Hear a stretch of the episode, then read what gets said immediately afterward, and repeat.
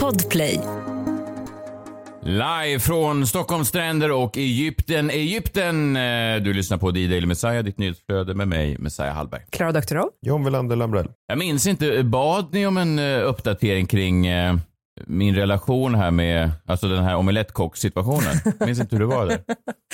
Nej, men nu, nu blir man ju nyfiken. Nu vill vi veta.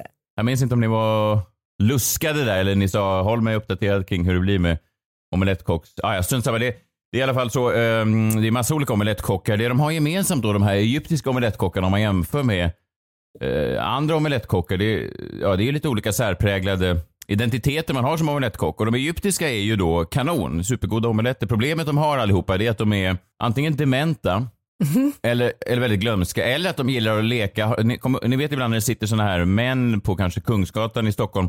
De lurar turister. De, de, st- de stoppar in en röd boll och så är det tre olika såna här koppar som de för bollen emellan. Och så sen ska man, när, de är klara ska man gissa var bollen ligger. Har ni sett dem? Ja, fast de luras väl inte. Det är ju en kille som brukar vinna på de där. Alltid brukar jag se. Alltså innan jag spelar.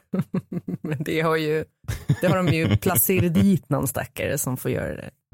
Det var ju eh, Jakob Ökvist som hade podd med förut. Han eh, hävdade ju fortfarande, eller han hävdade ju podden då, att han, precis så, att han var helt övertygad att han spelade bort liksom tusentals kronor på en sån där, eh, eh, på Kungsgatan i Stockholm. Men, men i normala fall så är det bedrägeri. Det, de, de, de tar ju bort bollen.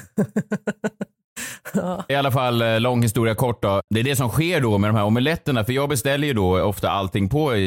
Ni vet också att jag har problem tidigare. Även på Grand Hotel i Lund så blev jag ju lurad på min chiliomelett när han eh, Carl Jan Granqvist sprang iväg med den i högsta hugg. Ni minns det här att det är ett återkommande tema med mig att jag väldigt sällan får den omelett som jag beställer. Det de har då framför sig det är fem pannor.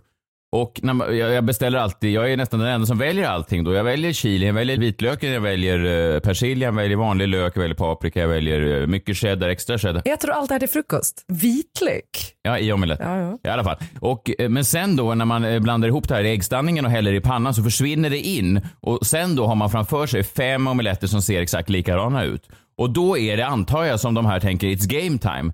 För varenda gång jag inte haft ögonen då på exakt min omelett så får jag en omelett så de som de slänger upp i min, i min, på min tallrik och säger “Here it is” och jag sa eh, “Everything” och de sa “Yes” och jag säger “Are you sure?” Eh, för jag ser inga, inga spår av “Everything” i min eh, gula omelett. Han säger “Yes” och jag stoppar ner mitt pekfinger och trycker lite på den för att visa Are you sure it's everything? Och han säger yes, it's everything. Och sen går jag till mitt bord i en lång promenad ut till trädgården och sen så börjar jag ta jag en knivskärning i min omelett och då märker jag nej, det är bara äggstanningen här och så skriker jag på min fru och säger jag sa ju det för i helvete och så säger måste du börja varenda morgon med att bråka och du sprider dålig stämning på den här semestern. Och säger jo, det är inte mitt fel, det är de här jävla omelettkockarna. Så det jag tror då, det jag kommer på, eh, det de gör, det är att de, eh, antar jag, att det är någon slags lek, att man måste då hålla ögonen på, de häller i en panna och sen förflyttar de den här pannan runt då bland de här fem olika spishällarna. Och ja, vinsten är då till slut, när man, om man håller ögonen på den, det är att man får den omelett man har beställt. Och jag vet inte vem som kom på det här spelet, men jag är trött på det. Och jag önskar att egyptierna hittar på ett roligare sällskapsspel, för jag, ja, jag vet inte, jag ser inte det roliga i det. Alltså jag kan se framför mig att någon gång kommer det komma in liksom män i vita rockar och bära ut dig från de där frukostsalarna. Och du kommer bara skrika, det var Carl Jan som tog min omelett. Ja, ja. Carl Jan i Egypten! Carl Jan i Egypten! Han har kommit hit. Bara för att ta min omelett. Ja, ja. Är det någonstans man inte vill bli bältad så är det väl på ett egyptiskt mentalsjukhus. Att det är bara en massa sådana politiska fångar och så en kille som är missnöjd med sin omelett längst in.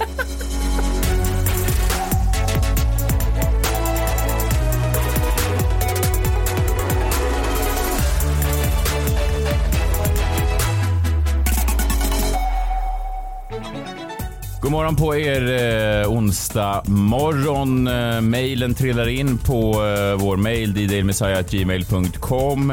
Det är mest då från en kille, samma kille som gjorde en av dina John-vinjetter, eh, John. Han stavar ju då ditt namn på ett väldigt kul sätt. Han stavar det då J-H-Å-N-N. är det så du stavar det? Nej, det är det inte va? Men jag tror ingen stavar det så. Nej, han gör det. Eh, han är upprörd då. Du har kommenterat Toy Story, den tecknade filmen. Eh, han rättar det här. Han säger, har inte John sett Toy Story? Jessie är inte Woodys tjej. Hon är ihop med Buzz. Woody däremot är kär i Bo. Så där fick du, eh, ja, stå med lång läsning.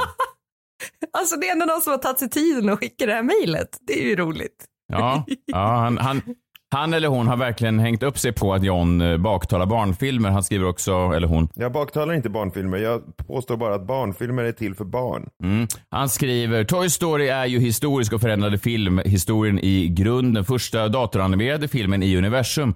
Tror du John att det är barn som sitter och kollar på den?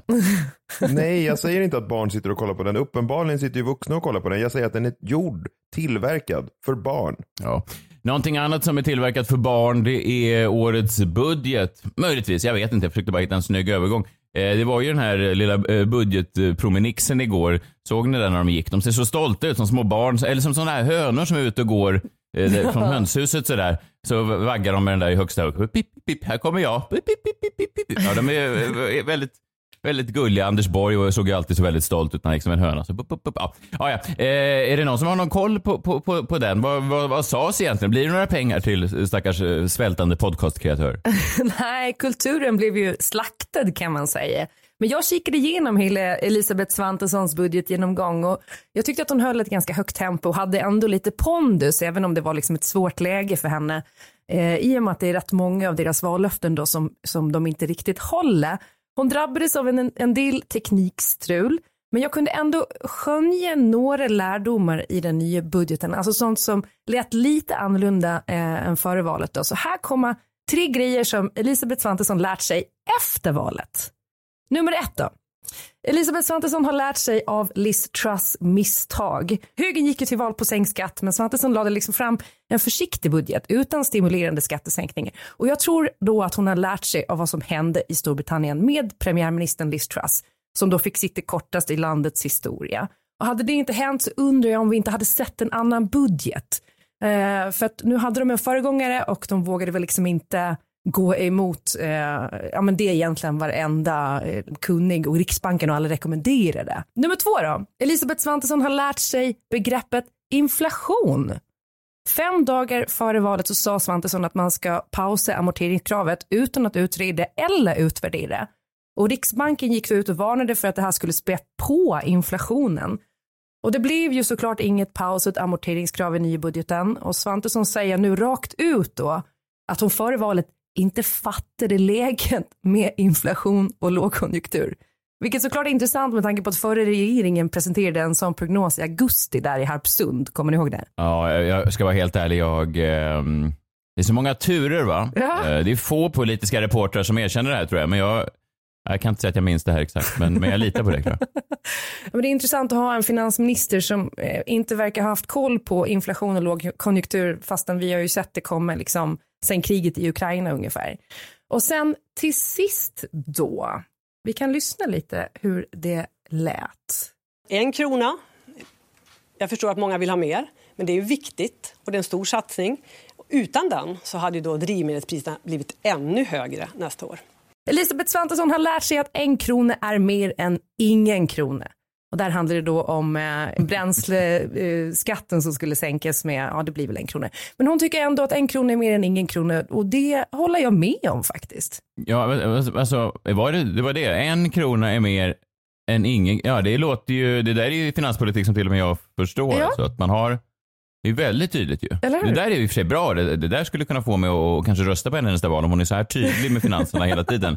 Men är det någon som opponerar det där? Nej, jag tror inte att det var någon som sa emot det bland journalisterna heller. Eh, när, de pratade ju om besvikelsen då att det liksom inte blev en större skattesänkning eller det här med reduktionsplikten då som de kommer införa längre fram. Det tar ju sin lilla tid liksom för att man måste följa EUs eh, krav och så vidare.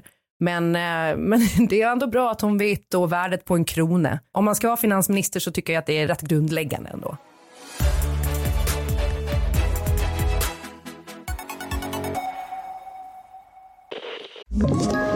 Ett poddtips från Podplay. I fallen jag aldrig glömmer djupdyker Hasse Aro i arbetet bakom några av Sveriges mest uppseendeväckande brottsutredningar går vi in med hemlig telefonavlyssning och, och då upplever vi att vi får en total förändring av hans beteende. Vad är det som händer nu? Vem är det som läcker? Och så säger han att jag är kriminell, jag har varit kriminell i hela mitt liv men att mörda ett barn, där går min gräns. Nya säsongen av Fallen jag aldrig glömmer på Podplay.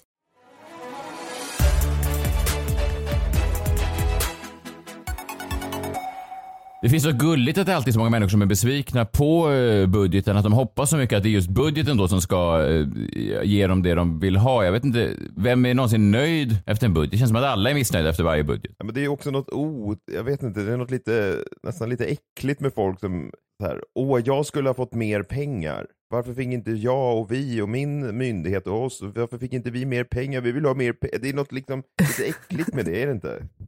Vadå? Jo, kanske. Alltså som barn som inte får sitt lördagspeng eller vad fan man ska ha. Ja, det är väl lite annorlunda ändå om, om kommunerna sitter och liksom fick 6 miljarder istället för 20 som de hade begärt. Att det är klart att det får konsekvenser för deras verksamhet. Det är ju inte riktigt som att man fick tre kolanappar istället för Lite två. annorlunda, men inte helt annorlunda. Det är ju lite samma sak. Eller tvärtom blir det ja. Var det där också ett uttalande från Svantesson? Hon använder verkligen ett, ett barnspråk. Det är otroligt. Om vi säger så här, eh, kulturen kommer bara få två kolanappar istället för tre. Sitter alla sådana dockteatrar runt om i landet och säger åh, åh, åh. Ja, dockteater. Dockteatrarna känns, de, de känns alltid som de är upprörda efter varje budget och tänker att för varje år så nu är det vår tur. De har aldrig fått det de vill ha. Nej, nej. Problemet också, det är heller aldrig någon som har betalat en biljett för en dockteater. Förlåt, men den enda föreställningen jag har sett typ de senaste två åren är ju dockteater. Så att, det där får stå för dig John. Ja, men betalade du för den då? Ja. Eller förväntade du dig att den skulle vara gratis? Nej, men nu så eh, slopar de ju gratis inträde till alla statliga museum. Det kommer ju vara intressant. Inte för att eh, jag går på jättemånga museum, men ja, det gör de. Så nu kommer de börja med inträde. Gör de det?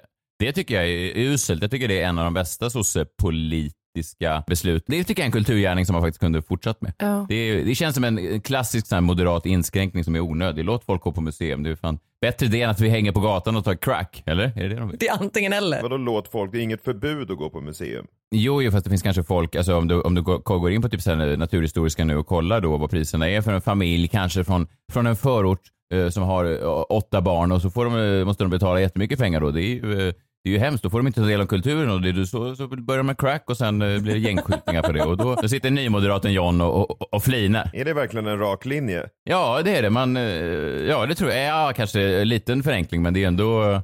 Museum tror jag aldrig har skadat någon. Jag tänker dock att, att oftast går man ju på museum när man är i ett annat land eller liksom, alltså när man turistar på ett sätt. Och de intäkterna har vi ju förlorat nu i och med att de har inte kunnat särskilja vilka som inte bor och lever i Sverige och vilka som kommer utifrån.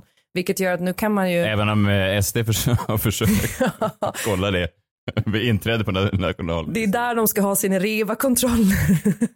De sliter in varenda japan med en kamera i något sånt speciellt rum och ställer kontrollfrågor om de verkligen är från Sverige. Nu kommer vi få Ja. ta del av alla de här japanska eh, rikedomarna. ja, När de tvingas betala på våra museum. Ja, det är bra. John, det har inte kommit in någon ny uh, Jombola-vinjett, någon ny Jombola-jingel. Eh, Lite tråkigt. Eh, vi håller på och rycker lite artister som kanske skulle eventuellt eh, kunna hjälpa oss med det där. Många skriver ju också, kan vi inte bara behålla den gamla? Men då hävdar du John att nej, by popular demand så måste vi byta ut den. Jag vet inte om det här stämmer, eh, men idag får vi i alla fall använda den, eh, den gamla klassiska, för att eh, vi har ju ingen annan att, att spela. Nej men grejer är ju på gång. Eh, och jag är väldigt exalterad över det som eventuellt kan hända här om, om ett litet tag. jaha. Vad vet du som inte vi vet? Det är grejer på gång i alla fall. Men kör den gamla nu. Det är, den sjunger på sin sista melodi eh, så att säga. Kom närmare, kom närmare, var inte rädda. Allt kan hända, allt är möjligt när vi spelar på vår jombola. Jombolan är ett eh, instrument som John plockar fram en gång per dag och eh, lyfter lite på den och så plockar han en vit eh, lapp ur den och på lappen så står ett ämne och snabbt måste han då komma på någonting att säga på ämnet. Väldigt kul tycker vi. Hur vet du att det är någonting på gång eh, med tanke på att jag och Klara inte eh, visste om det här? Är det att du, att du får känningar i eh, jombolan? Eh, nej men det står här att Det är som en väderstation. det står här att ehm, Biancas kärlek. Ja, just det. Det har ju varit någonting på gång mellan Bianca och eh, Benjamin Ingrosso ett tag. Vi har ju pratat om det här de senaste månaderna. Kanske framförallt från Biancas eh, sida då. Och ja, jag vet inte. Vi har väl inte tyckt att det där känns helt... Det har ju skavt lite grann. Eh, om vi ska vara ärliga så har vi väl ändå tyckt det. Alltså först hörde vi ju Melina Kriborn, eh, Biancas kompis, berätta om när hon och Bianca varit på Benjamins konsert. När hon pratade om det i sin podd Inga beiga morsor. Eh, och då lät det ju så här om ni minns. Benjamin är ju född stjärna, ursäkta. Han är så snygg, han är så sexig. Alltså till och med alltså, Bianca stod och bara Jag vill typ ligga med honom. Jag bara håll käften. Ja, det minns ni. Ja, tyvärr. Ja, jag, jag försökte att glömma det, men det är svårt. ja, men nu tar jag upp det igen för det stod det på lappen så att säga. Eh, men jag hoppas att det kanske finns någonting, ehm, ja men att det här har utvecklats lite. För sen efteråt, det här lyssnade vi också på då, det var ju premiären av Wahlgrens värld den här säsongen, så avslöjade ju Bianca själv då hur hon kände och då lät det så här. Jag hade kollat in dig om du... Usch! Men vad då? Det är inte så att du inte har kollat in mig? Ja, hon avslöjade ju då att hon hade kollat in eh, Benjamin lite grann och tyckte väl att han minsann hade kollat in henne också, det minns ni. Ja, det här är så mörkt. Tack och lov då eh, så verkar Bianca ändå ha hittat någon annan än sin bror att fokusera sina liksom, känslor på nu. Eh, och jag säger ju tack och lov just för att det kanske har skavt lite grann. De får väl göra vad de vill, men ja, det är väl, har väl skavt lite grann. Eh, men hon verkar ha hittat någon ny nu att, eh, att eh, fokusera på. Det här är från senaste avsnittet av eh, Wahlgrens värld. Vi lyssnar på det. Oh my god mamma, du fyller 60 snart. Nej, det gör jag inte. Det är jättelångt kvar. Din pappa är ju mycket närmare. Jag vet, det är brutalt alltså. Men han ser också mycket äldre ut. Nej, jag tycker han är skitsnygg. Alltså, han är pappi. Ja, men... Eh, Jo, Okej. Men det är att han är gråhårig kanske? jag tycker det är skitsnyggt. Men du tjatar väldigt mycket om det. Men jag har ju en gråhårig karl nu. Det är, han, och han är också sexig. Nej. Pernillas eh, nya kar är också sexig, liksom eh, Biancas pappa. Tycker hon. Så eh, Bianca har fått eh, någon ny att fokusera sina känslor på. Eh, lyckligtvis är det bort från Benjamin, men håller fortfarande inom familjen.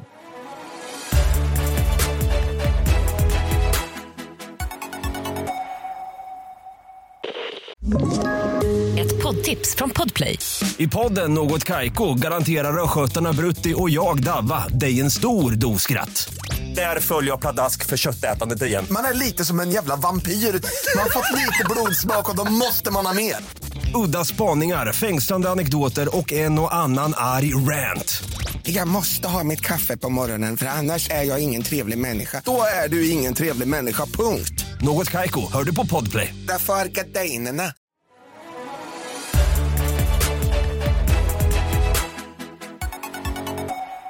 Ibland så gillar jag att iklä mig rollen som um, kåsör. Ni vet, det finns ju kvar i och för sig på baksidan av tidningarna, men ni vet sån där, en sån där kille som bara sitter och grubblar över saker. Kanske längst bak på söndagstidningen så är det någon sån där liten, en liten illustration av livet. En sån där grej som, jag minns att min pappa alltid sa till mig, eh, han, han vaknade en eh, natt, något av eh, de sista åren han levde, så, och så kom han in eh, till mig då för jag jag vet inte varför jag var hemma, men jag, jag pluggade så jag tror jag bodde hemma då när jag gjorde praktik i Stockholm. Ja, det gjorde jag. Eh, och då kom han in till mig och sa, nu har jag det, nu vet jag vad du ska göra. Och så hade han då titeln klar, med, med luren i handen ska den heta din kolumn. Med luren i handen, att jag då skulle få olika telefonsamtal från, från läsare av en tidning. Eh, och så skulle jag då skriva något litet kåseri om deras grej, eller att jag skulle gå ut och kanske hjälpa folk i vardagen. Och, och, och och sen gick han och la sig och sen blev det ingenting med det. Men i alla fall, ibland i den här podden så har jag ett litet segment där jag får göra de här små kåserierna och vi har valt att kalla det för eh, Messias minut.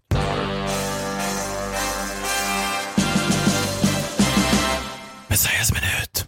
Ja, jag flög ju ner här till eh, Egypten i helgen och det är ju intressant ju tycker jag när man sitter på ett flygplan och bara iakttar alla människor. Jag blev också placerad då lite längre bort. Min familj sitter på en sån här trea, ni vet. De gillar att sitta tillsammans och så är det ofta en då, eftersom vi är fyra, som får sitta själv och det blir då alltid jag av någon anledning så jag får sitta bredvid två främlingar. Och när jag kommer på planet så ser jag då att de, jag har tagit yttersätet då för att kunna ha en fri tillgång ut till till den ja, passagen i mitten och då ser jag att de andra två platserna in mot fönstret och mittsätet är då ett ungt par och en eh, nyfödd bebis. Alltså den är så liten. Oj då. Ja, ja. Och, och jag vet inte vad man känner då. Jag har lite gått hela cirkeln runt med det där. Alltså att, att eh, först så har, blev jag ju tokig när jag såg bebisar på, på flygplan. När man inte har barn själv så är det ganska naturligt tror jag att tänka så. Man tänker, vem fan är ens ute och flyger med ett barn? Och sen får man barn själv och då har man liksom upplevt det och då har man en helt annan respekt. Jag kommer ihåg någon gång eh, du och jag John flög och du suckade åt en bebis och jag sa att eh, det är nog mer stressande för föräldrarna. Kommer du ihåg det? Eh, ja, jag kommer ihåg. Ja, och så fick du sitta där och, och skämmas och tänka ja, såklart det är mer stressande för föräldrarna. Men Ja, nu när jag har då alltså, större ja, barn, vadå? Ja, så var Vadå? det. Nej, jag sa det är väl ingen tävling. Alltså vem som tycker att det är jobbigast. Nej, nej, fast jag menar det, det, det är väl lite som man pratar om Margot Ditz där, att, att jag kanske då är av den övertygelsen att man ska försöka hjälpa sina medmänniskor medan du mer är då någon som tar ett stort kliv över någon som sover i trapphuset. Det är väl lite så kanske att jag, Ja, så är det nog. där skiljer vi oss åt. Det är bara att vi har olika inställningar. eh, men nu, nu har jag i alla fall gått hela eh, varvet runt och nu när mina barn är så stora att de kan sitta och liksom eh, ropa så. Far, den här gin och tonicen är utsökt. Alltså när de mer har ett sånt vuxet förhållningssätt till eh, ett flygplan så blir jag ju då irriterad igen på bebisar. Eller jag, jag, jag tänkte instinktivt när jag såg en bebis, det var ju själva fan ska jag sitta i sex timmar nu bredvid någon som uppenbarligen inte kommer att hålla käft överhuvudtaget på sex timmar. Det, det är ju stressande och att jag satt då längst ut, jag kunde liksom inte sova för jag såg framför mig då, för ni vet hur det är med bebisar, de ska Ja. ut hela tiden och föräldrarna måste liksom vandra fram och tillbaka och det ska gås torkas och det, allt möjligt ska hända med den här bebisen. Så jag såg framför mig sex timmars helvete. Och jag var redan upprörd för jag försökte ladda på min mobil på Arlanda där det stod 100% grön el i sån kontakt. Och så stoppade jag in kontakten och så kom det ingen el. Så 100% grön el är alltså helt verkningslös el. Om det där är Miljöpartiet slåss för så kommer jag inte rösta på dem. Ingenting hände. Jäv. Jag gick runt och testade i tre olika g- 100% grön el. Men var det ett skämt eller? Det låter ju som ett moderat skämt. Nej, det var en konstinstallation. Alltså det var Elisabeth Svantesson som har gått runt och satt upp den där. Här har ni den. Det är Hanif Balis konstprojekt. Det finansierat i den nya budgeten.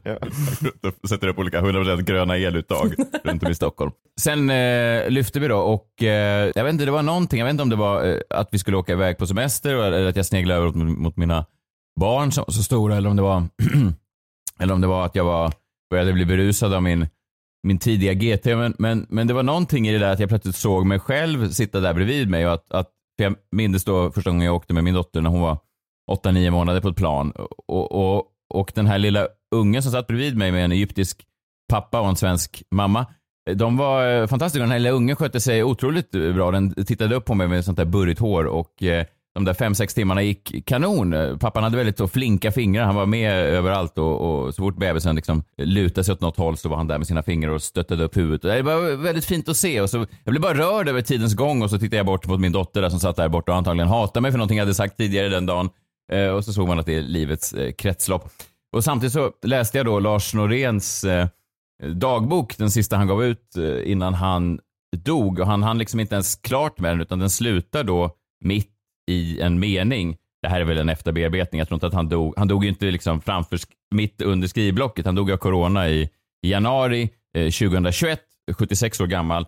Och sista anteckningen i boken är från 20 december, ja en månad innan. Men det är ändå någonting starkt att bara läsa hans dagbok när man vet hur slutet eh, är. Det blir, jag vet inte, det var liksom spriten, det var Lars Noréns dagbok, det var livets kretslopp där med den här, min stora dotter och så den här lilla uh, bebisen bredvid mig. Och så var det också att jag hade eh, Kent på, jag sitter och lyssnar på gamla Kent-låtar. Låten 400 slag gick igång.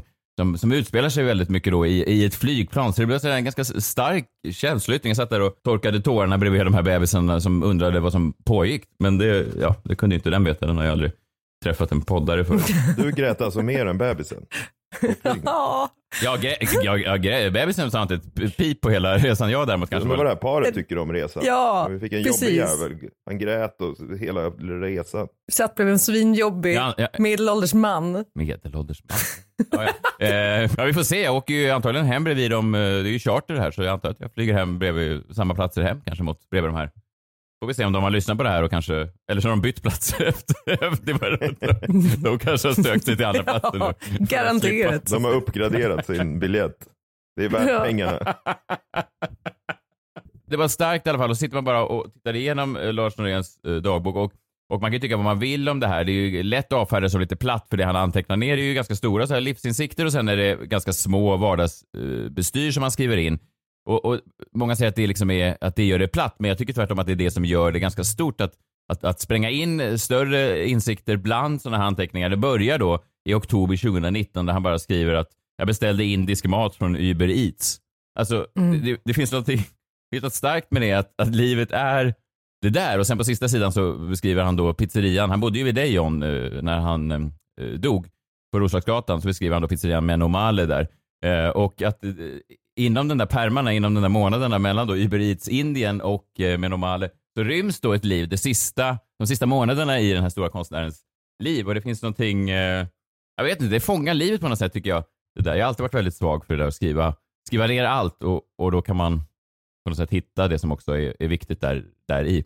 Eh, han fick ju en dotter då senare än mig. Det, han var ju 76 år gammal, men han fick en dotter då 2009 Mm. som då ja, var ju eh, eh, ja, givetvis bara ett barn då när han, när han gick bort. Och det finns också någonting fint, några av de finare delarna i, jag kan inte läsa upp hela boken, men man kan ju säga att Lars Norén ofta är ganska svår och sådär, att det är liksom högkultur och att det är pretentiöst och så vidare. Men det som är lite fint i dagboken är ju de här stunderna när det andra glider igenom att han bara är en pappa då som ser sin lilla dotter och han vill då vara med henne. Han beskriver någon gång att de eh, handlar ingredienser på Roslagsgatan till eh, marsipanfigurer som hon gjorde senare på kvällen. De blev underbara, roliga och överraskande. Mm. Jag tycker det, det, sånt tycker jag är fint, att se den här stora konstnären sitta och titta på sin dotters eh, marsipanfigurer och beskriva dem som underbara, roliga och överraskande. Blev, jag blev rörd av allt, allt det där. Mm. Sen så gick vi in då i det här skedet med coronan och det har man ju inte riktigt upplevt själv, även om vi tyckte det var jobbigt, eller John, du tyckte det var jobbigt att inte få stå med Johanna Nordström på Spybar, vilket också är, är tufft såklart. Gud ge mig mod att förändra det jag kan och eh, mod och... Ja, men det är ett lidande såklart. Det är ju inte heller osant. Ja, men det var det du tyckte var mest jobbigt ändå. Eller liksom om du skulle göra en lista så var det det du tyckte var ganska... Du tyckte det var lite jobbigt att inte få komma dit och, och dansa med de andra ungdomarna. såklart. Men och, och jag, jag säger inte att det inte var hemskt för dig. Jag säger bara att, att då, någonting som man inte tänkte på var ju de här äldre männen, då som Lars Norén, som hade en dotter men inte kunde träffa sin dotter av rädsla för att då få sjukdomen och dö, för han hade också KOL eh, och hans lungor hade nedsatt kapacitet. Han beskriver då flera månader av en, en tid eh, när han då vill vara med sin dotter men kan inte för han vågar inte riskera sitt liv och han umgås med henne via Facetime. Och det, jag, vet inte, jag, har aldrig, jag har faktiskt inte sett det, det perspektivet riktigt. Han skriver S har inte ringt, jag saknar henne hela tiden. Hennes rum väntar på henne, jag väntar på henne. Hela mitt liv väntar på henne och jag måste vänta. Mm. Det är fint. Mm. Det är fint. Ja. Eh, sen ser han Sven Wollter eh, dö. Han är då några år äldre än Lars Norén. Eh, och han blir ju då påminn om sin egen död såklart. Den är väldigt starkt förekommande genom hela boken. Eh, men mot slutet säger han, jag hoppas bara, jag vill så gärna få några år med barnen efter pandemin där vi kan leva tillsammans, resa, finnas. Och sen pratar han om vaccinet som är på väg. Att vi talar om vaccinet och jag säger till min dotter att när vi har tagit det så ska vi åka till Goa och bada. Men sen då, eh, ja, sex veckor senare så åker han på viruset och då eh, dör han. Och det blir, eh, jag vet inte, det blir starkt och jag ber om ursäkt till barnfamiljen om jag, om jag liksom eh, skrämde den här lilla ungen. Men den- ungen tittade fascinerat på mig. Jag skulle inte säga att, de, att den var skrämd. Men jag skulle säga att den eh, kanske lärde sig någonting om livet. Att däremellan en indisk beställning på Uber Eats och pizzerian med Nomale så finns eh, livet och eh, i den här podden också ibland så finns eh, livet tycker jag. Jag tycker vi har givit ett ganska bra exempel på det i avsnittet här eh, idag. Vi eh, hörs igen imorgon. Ta hand om er så länge och eh, ha en eh, fin dag nu. Hej hej! Hej! Hej!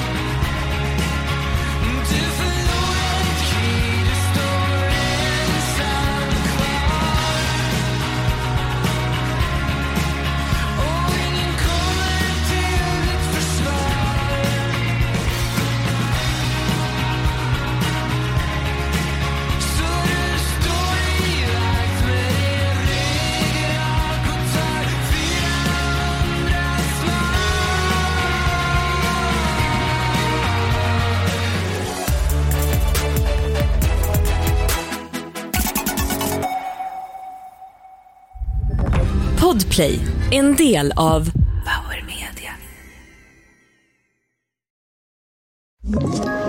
Ett poddtips från Podplay. I podden Något Kaiko garanterar östgötarna Brutti och jag, Davva, dig en stor dos skratt. Där följer jag pladask för köttätandet igen. Man är lite som en jävla vampyr. Man har fått lite blodsmak och då måste man ha mer. Udda spaningar, fängslande anekdoter och en och annan arg rant. Jag måste ha mitt kaffe på morgonen för annars är jag ingen trevlig människa. Då är du ingen trevlig människa, punkt. Något Kaiko, hör du på Podplay. Därför arkadeinerna.